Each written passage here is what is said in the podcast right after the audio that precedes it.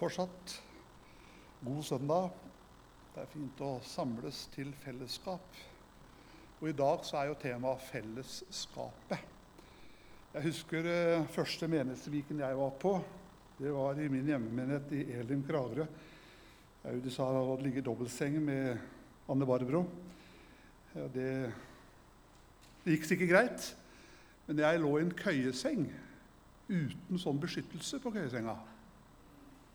Kan du tenke deg hva som skjedde i løpet av natta. Når en kropp på ca. 120 rauser i gulvet på Menesviken på et meget lytt internat. Det blir snakka om. Og det snakkes om fortsatt.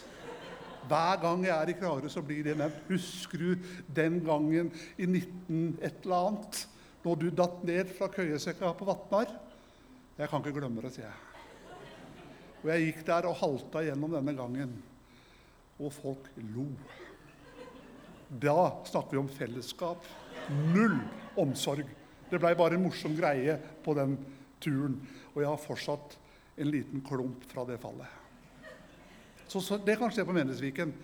Eh, men eh, som sagt så er det mye annet som skjer også på Menighetsviken som er veldig gøy. Det er det altså. Så, og på Solsand så går det an også å bade. Selv om det er i november, så er det mulig å bade der også. Så hvis noen har lyst til å bli med på det, så kan du bare si ifra. Jeg kan stå oppe og tørke deg når du kommer opp. ok. Fellesskapet er tema, og vi skal lese teksten i Apostlenes gjerninger, som var den teksten som vi har lest uh, på disse fire søndagene som dette har vært et tema. Og der står det Som en overskrift på de versene så står det 'fellesskapet mellom de troende'. Altså fellesskapet mellom de troende. Og der står det 'de holdt seg trofast'. Et, en annen bibelsk oversettelse sier det sånn 'de holdt urokkelig fast'. Men her står det 'de holdt seg trofast til apostlenes lære og fellesskapet', til brødsbrytelsen og bønnene. Og hver og en ble grepet av ærefrykt, og mange under og tegn ble gjort av apostlene. Alle de troende holdt sammen og hadde alt felles. De solgte eiendommene sine og det de ellers eide, og delte ut til alle ettersom hver enkelt trengte det. Hver dag holdt de trofast sammen på tempelplassen, og i hjemmene brøt de brødet og spiste sammen med oppriktig og hjertelig glede. De sang og lovpriste Gud og var godt likt av hele folket. Og hver dag la Herren til nye som lot seg frelse. I formiddag har jeg lyst til å dele med deg rundt dette her med ensomhet og fellesskap. Hva skal vi kristne tenke om det? Jeg tenker at vi trenger fellesskapet. Vi trenger andre mennesker. Og dette er noe Gud også sier helt i begynnelsen av skapelsen, når han skapte de første menneskene. Og det står i 1. Mosebok kapittel 2 vers 18 da Adam var alene. Totalt alene. Da sa Herren Gud, det er ikke godt for mennesket å være alene. Altså Gud han vet at Adam trenger noen å være sammen med. Og vi, til oss i dag, så trenger vi mennesker i våre liv. Vi trenger et fellesskap, for vi er skapt for å elske. Og bare når vi elsker, så lever vi. Og da tenker jeg da er også livet verdt å leve. Det sies at vi mennesker kan leve tre minutter uten luft. Vi kan eh, leve tre dager uten vann, 30 dager uten mat. Men vi kan ikke leve ett sekund uten kjærlighet. Da lever vi ikke lenger, men da bare eksisterer vi. Etter sult og tørst så er behovet for kjærlighet det mest grunnleggende behov vi har. Og Det må jo også være derfor det er det som på en måte kalles for det største og første budet, som står i Matteus evangeliet 22, vers 35-40. Og det er da når en av de lovkyndige kommer til Jesus, og de vil sette ham på prøve. De vil sette Jesus fast. Der de sier, 'Mester, altså Jesus, hvilket bud er det største i loven?' Og han svarte, 'Du skal elske Herren, din Gud, av hele ditt hjerte.' Du skal og av hele din sjel og av all din forstand. Dette er det første og det største budet. Det finnes ikke noe som er større og viktigere enn akkurat det. Men et annet er like stort. Og da kommer jo fellesskapet inn.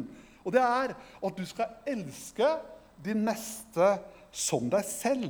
Og på disse to bud så hviler loven og profetene. Jeg tenker For mange av oss så kan det være utfordrende å innrømme at vi faktisk trenger andre. At man trenger noen i livet. Men vet du hva? Det er noe vi gjør. I 2020 eh, så kom det ut et program på Norge som het 'Sånn er Norge'. Var det noen som så på det programmet i 2020? Nei, det er jo ingen som ser på TV her. Nei, nei, sånn er det. Det skulle jeg da visst. Men jeg tar allikevel og sier litt om dette programmet Sånn av Norge. Harald Eia har du sikkert hørt om. Han var programleder for det programmet der. Harald Eia han eh, ønsker da å på en måte kaste et nytt lys over landet Norge. Og hva som egentlig er spesielt for akkurat oss. Han peker og på en måte sa i det programmet at eh, Norge er et av verdens mest vellykka land og samfunn. Men hva har man gjort for å bli det? Og I det første programmet hans så prøver han å finne ut hva er det som er den verdien for nordmenn som står aller øverst for oss. Og Så starter han med å spørre er det janteloven. Ja, Vi tenker at den er ganske høyt oppe. Den kjenner vi igjen. Den eh, er vi veldig nær. Men eh, det var ikke det, for det viser seg også at i andre land så har de også andre varianter av jantelov. Og det var på en måte ikke helt likt, men ganske likt. Så da er det på en måte ikke janteloven som er denne verdien som på en måte står øverst. Og Så spør han videre ja, er det det Gro Harlem Brundtland uttalte en gang.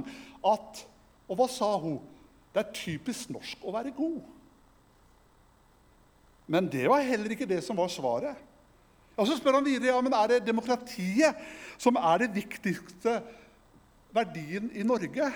Og det kunne det ha vært, for vi er et land som ligger langt fremme i dette her med demokrati. Der er vi ganske gode. Men det var heller ikke den høyeste verdien. Men så viser det seg heller ikke at den verdien på en måte nordmenn setter høyest. Så det Harald Eia gjør og finner ut disse undersøkelsene, er at den verdien som ligger øverst hos oss nordmenn, det er uavhengighet. Uavhengighet.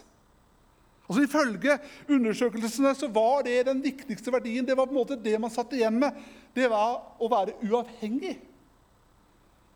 Og dette med uavhengighet det kan stå ganske sterkt for mange av oss. Det så sterkt for meg, det står kanskje også sterkt for deg. For vi på en måte ønsker å være robuste, vi ønsker å være ressurssterke mennesker som greier oss alene. Og vi på en måte trenger ikke noen i livet.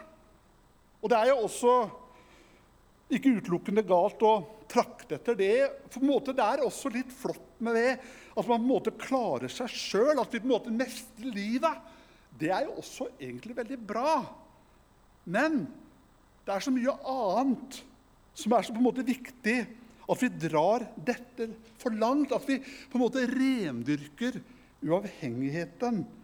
For vi er liksom så sterke. Vi er så uavhengige.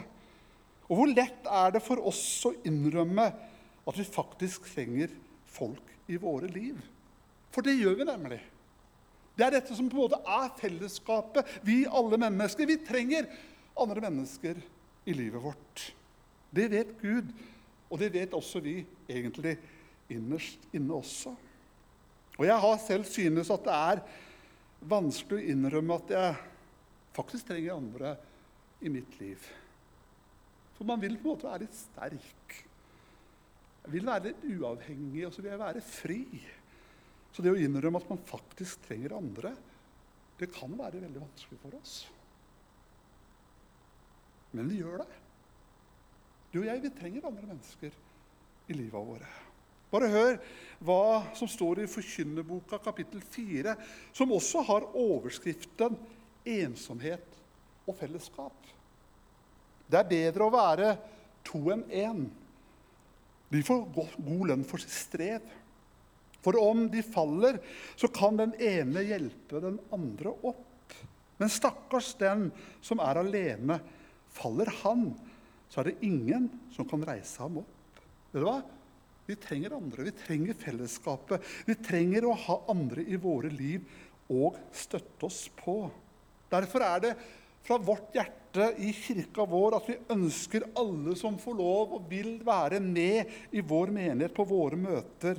Kom og bli en del av dette fellesskapet. Kom og bli en del av vårt fellesskap, for vi har et ganske greit fellesskap her. Takk for responsen. Vi trenger fellesskap, og la oss innrømme det for oss sjøl. Og jeg tenker Når vi snakker om dette her med ensomhet og fellesskap, så la oss også tro på en Gud som forsørger.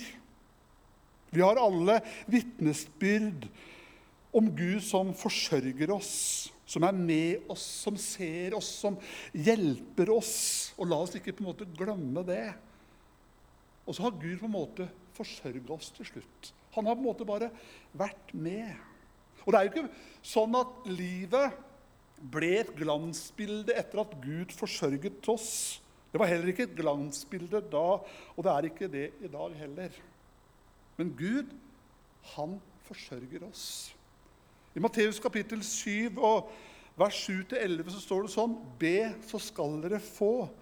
Let, så skal dere finne. Bank på, så skal det lukkes opp for dere. For hver den som ber, han får, og den som leter, han finner. Og den som banker på, skal det lukkes opp for. Eller hvem av dere vil gi sønnen sin en stein når han ber om brød, eller gi ham en orm når han ber om en fisk? Når selv dere som er onde, vet å gi barna dere gode gaver, hvor mye mer skal ikke da deres far i himmelen gi gode gaver til dem som ber ham? Så Gud, han forsørger oss, og Gud svarer på våre bønner. Og er vi en fase i livet der vi er ensomme Vet du hva? Søk Gud. Be for det du trenger. Så kan vi være med Gud på den reisa. Jeg tenker at Det handler om å være utholdende, det handler om å være kreativ og ta mye initiativ. Og holde oppe en tro for at Gud forsørger oss. Og Jeg tenker også på det som står i Galaterbrevet, kapittel 6 eh, og vers 9. Så står det sånn La oss ikke bli trette av å gjøre det gode. Når tiden er inne, skal vi høste, bare vi ikke gir opp. Man, klart at man kan oppleve perioder med ensomhet. Noen ganger oppleves det en, på en måte som lang, og man har på en måte lyst til å gi opp. Og man kunne ha gitt opp. Men la oss ikke gjøre det. Vi må ikke gi opp. For Gud, han er med oss. Han ser oss. Hans øyne er vendt mot oss. Og hvis du er der i livet ditt nå du opplever å stå litt mye aleine. Da oppfordrer jeg deg til å be og søke Gud. Vær åpen for Ham. Søk Gud i bønn. Når vi snakker om ensomhet og fellesskap, så tenker jeg på disiplene når vi snakker om fellesskap. For de hadde et fellesskap. De var tolv stykker som hadde fellesskap med hverandre og Jesus hver eneste dag. Men så kom tida da Jesus skulle forlate disiplene og gå til korset. Og fullføre det verket han var sendt for å gjøre. Og så sier Jesus i Johannes kapittel 13.: Mine barn, sier han. Det er det Jesus som bruker sine ord. Mine barn. Ennå en liten stund er jeg hos dere. Og så sier han, dit jeg går, kan dere ikke komme. Og Da kan vi både prøve å forestille oss hvordan det føltes for disiplene som hadde satsa alt på Jesus, alt på den greia der, forlatt alt det de hadde. Og nå var det over etter tre og et halvt år. De som hadde så nært fellesskap med Jesus, som sto han så nært. Og så sier Jesus, 'Når jeg går, og dere kan ikke komme dit' Og Vi kan høre den måten Peter snakker, at dette var tøft for ham. Og Simon Peter, denne mest frimodige av disiplene, som var den mest ekstroverte av dem Han var ikke mye introvert, han gikk bare rett på, sier han til Jesus. Altså, du, Jesus, han aner at noe trist skal skje. Herre, hvor går du hen? Jesus svarte, 'Dit jeg går, kan du ikke følge meg nå, men senere skal du følge meg.' Ja, Men hvorfor kan jeg ikke følge deg nå, da, Jesus? sier Peter. Jeg vil jo gi mitt liv til deg. Jeg har på en måte satsa på deg. Jeg må bli med. Akkurat som han sier, 'Ja, men Jesus, ikke gå fra meg.' Det er klart at når noen går På en måte det å bli forlatt Det er ikke godt for noen av oss. Og dette kjente disiplene på. Men så kommer Jesus med disse vakre og disse ordene som er på en måte så full av trøst. Der han foresikrer oss om at vi har en Gud som ikke har tenkt at vi skal være aleine i verden. Og det er løftet om Den hellige ånd. I eh, Johannes kapittel 14 og versene 16 til 18. Og jeg vil be min far Dette er Jesus som snakker. Og han skal gi dere en annen talsmann som skal være hos dere for alltid. Sannhetens ånd, som verden ikke kan ta imot, for verden ser ham ikke og kjenner ham ikke. Men dere kjenner ham, for han blir hos dere og skal være i dere. Og her kommer det. Jeg lar dere ikke bli igjen som foreldreløse barn, men jeg kommer til dere. Så far i himmelen vil at du og jeg skal vite at vi er ikke et foreldreløst barn, men han er kommet til deg. Jeg spurte er vi i bunn og grunn alene i denne verden. Er vi overlatt til oss sjøl? Vi er ikke alene i denne verden.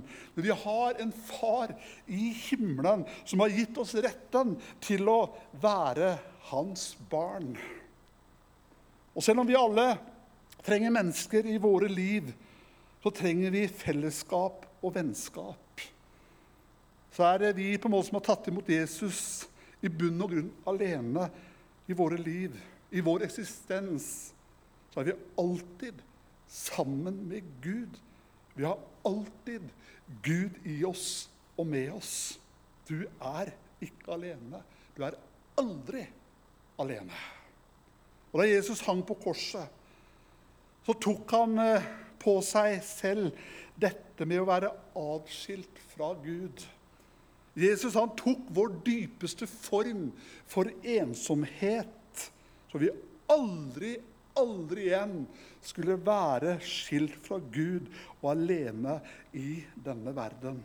Og Dette er når Jesus henger på korset, når han på en måte er i ferd med å dø. Da den sjette time kom, så falt det et mørke over hele landet helt til den niende time. Og ved den niende time så ropte Jesus med høy røst, Elo, Elo, le, lema sabatani. Du kan bare prøve sjøl. Det er ikke så veldig lett.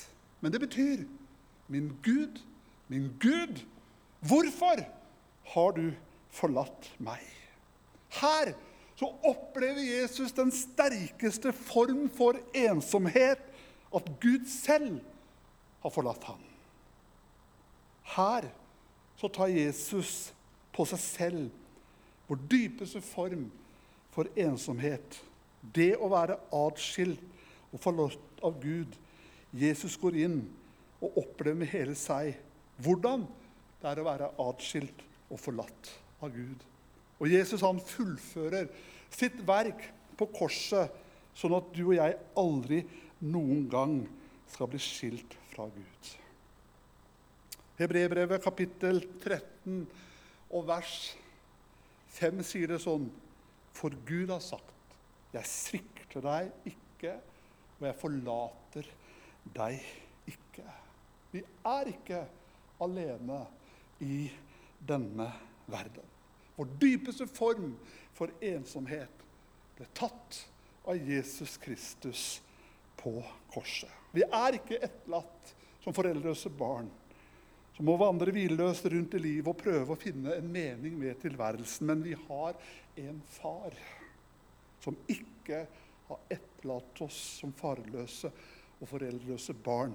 Nei, han vil være en far for oss. Og vi har Jesus. Og hva er det vi har sunget helt siden denne engelske salmen ble skrevet i 1855, som også ble sunget i gudstjenesten vår i dag? What a friend we have in Jesus. Hvilken venn vi har i Jesus. For hva er det Jesus sier til oss? Jeg kaller det ikke lenger tjenere. For tjeneren vet ikke hva Herren hans gjør. Men vet du hva? Jeg kaller dere venner. Det er noe med å bli kalt en venn. 'Jeg er din venn.' Og det er så godt å høre. Og Jesus han sier, 'Jeg kaller dere venner'. Jesus er din og min venn for alltid. Og vi har Den hellige ånd, som alltid er på innersida. Han er Gud i oss. Hva er det Jesus sier? Og jeg vil be min far at han skal gi dere en annen talsmann, altså Den hellige ånd, som skal være hos dere for alltid. Hvor lenge var det? For alltid. Det er lenge. Det vil alltid være. Så selv om vi alle trenger mennesker i våre liv, ja, vi trenger fellesskap og vennskap, så er vi som har tatt imot Jesus, i bunn og grunn aldri alene i våre liv og i vår eksistens. Så har jeg tenkt på én ting. Fellesskapet i gode og onde dager. Paulus han sier i 1. Korinterbrev kapittel 12 og vers 27.: Dere er Kristi kropp, og hver av dere et lem på ham. Jeg tenker, Hva hadde skjedd om vi tenkte på det samme om menighetsfellesskapet som ekteskapet? At vi elsker og ærer hverandre i gode og onde dager. Jeg tenker at Når vi prioriterer fellesskapet, så blir du glad i fellesskapet. La oss ikke bli slike som tenker at søndag, kirkedag, uansett om det er klokka 11 eller klokka 4 eller klokka 7, så er vi der. Vi kommer. Og la oss, ikke, la oss bli slike som prioriterer det kristne fellesskapet og uttrykker glede og takknemlighet over å være og få være en del av det. Jeg tenker mange ganger på ringvirkningene. Det at du og jeg kommer i kirka hver søndag og er tydelige på at vet du hva, dette er en prioritering.